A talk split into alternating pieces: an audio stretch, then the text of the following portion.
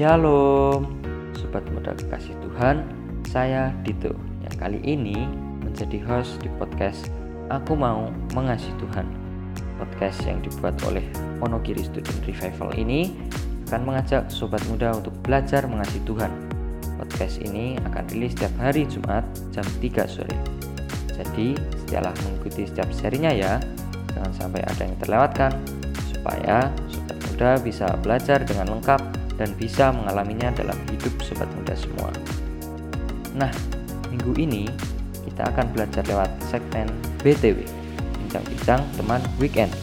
Seperti BTW sebelumnya, saya tidak sendirian. Saya akan berbincang-bincang dengan tamu spesial untuk bisa belajar bersama. Siapakah tamu spesial kita kali ini? Jangan ke mana-mana, stay tune terus di sini ya.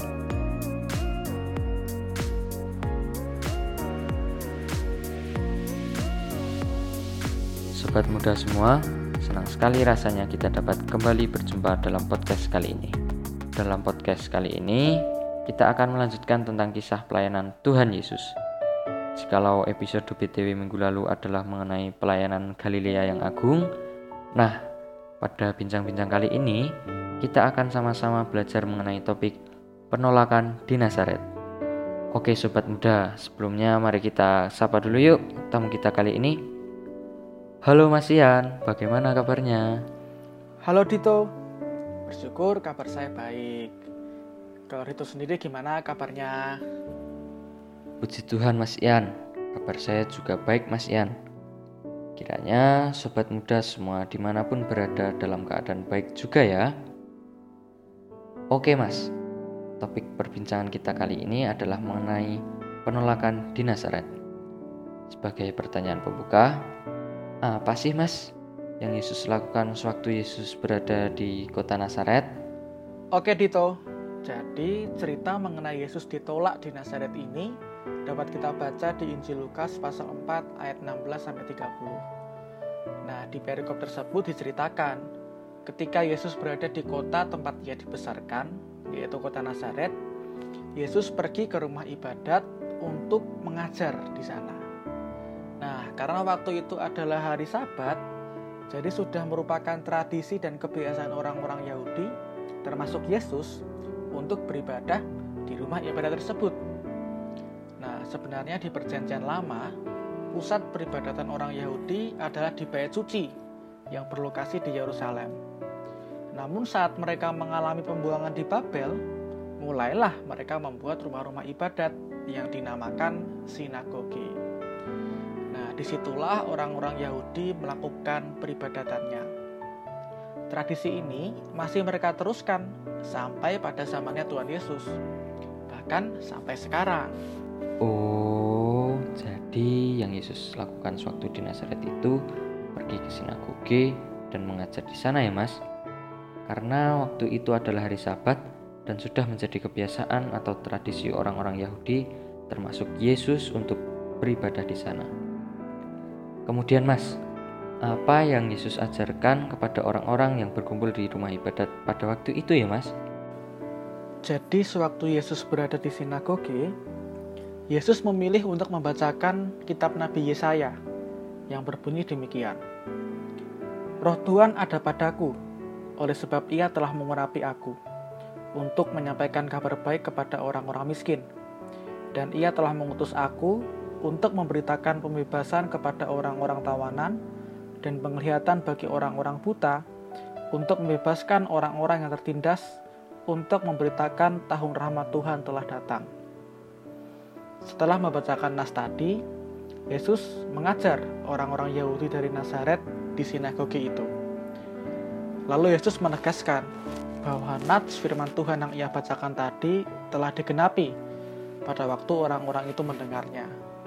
Dengan kata lain, pada waktu itu, Yesus memproklamasikan tentang identitas dirinya dan apa yang akan dikerjakannya selaku Mesias.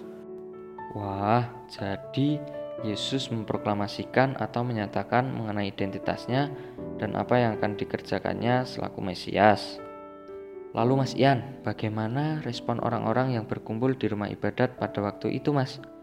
Dan mengapa kok sampai-sampai Yesus itu ditolak mas oleh orang-orang Nazaret. Pada awalnya, respon orang-orang di rumah ibadat itu menjadi heran dengan perkataan pengajaran Yesus. Tetapi mereka juga ingat dan mengenali bahwa Yesus itu adalah anaknya Yusuf yang tinggal di daerah mereka juga. Tentu suasananya membuat orang-orang di situ menjadi terheran. Bagaimana mungkin Yesus ini seorang yang sama-sama mereka kenal, bertempat tinggal di daerah mereka sendiri, tiba-tiba menyatakan bahwa dirinya sudah mengenapi kitab Nabi Yesaya, menyatakan bahwa dirinya adalah Mesias. Nah, tentu hal ini membuat orang-orang Nazaret pada waktu itu terheran-heran. Nah, beranjak dari keheranan orang-orang itu tadi, Yesus mengatakan bahwa sebenarnya seorang nabi tidak ada yang dihargai di tempat asalnya. Seperti halnya Nabi Elia nabi dari Israel yang malah diutus ke daerah Sidon menjumpai janda Sarfat.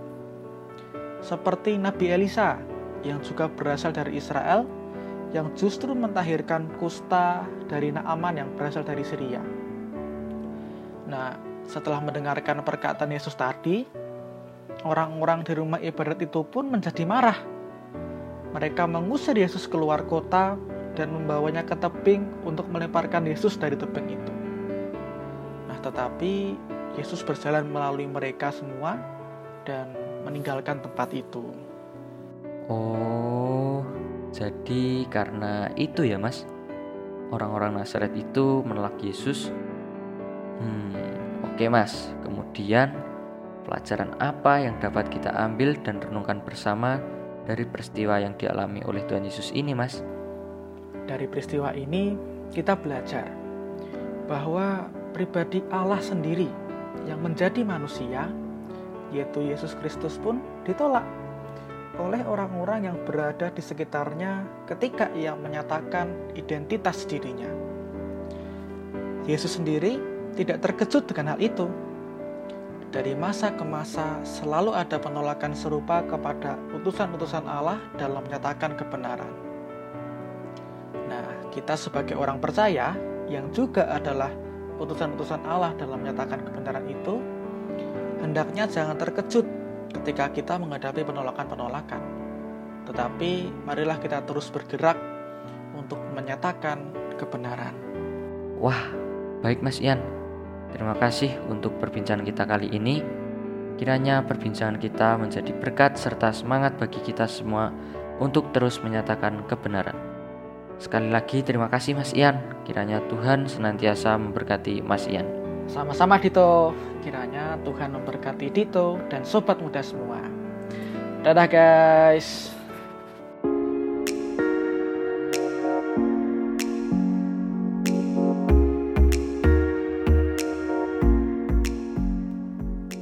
Sobat muda kekasih Tuhan, senang sekali ya hari ini kita bisa belajar bersama lewat bincang-bincang teman weekend.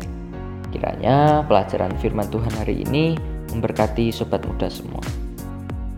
Sobat muda, jangan sampai terlewatkan untuk mendengarkan bincang-bincang teman weekend minggu depan ya.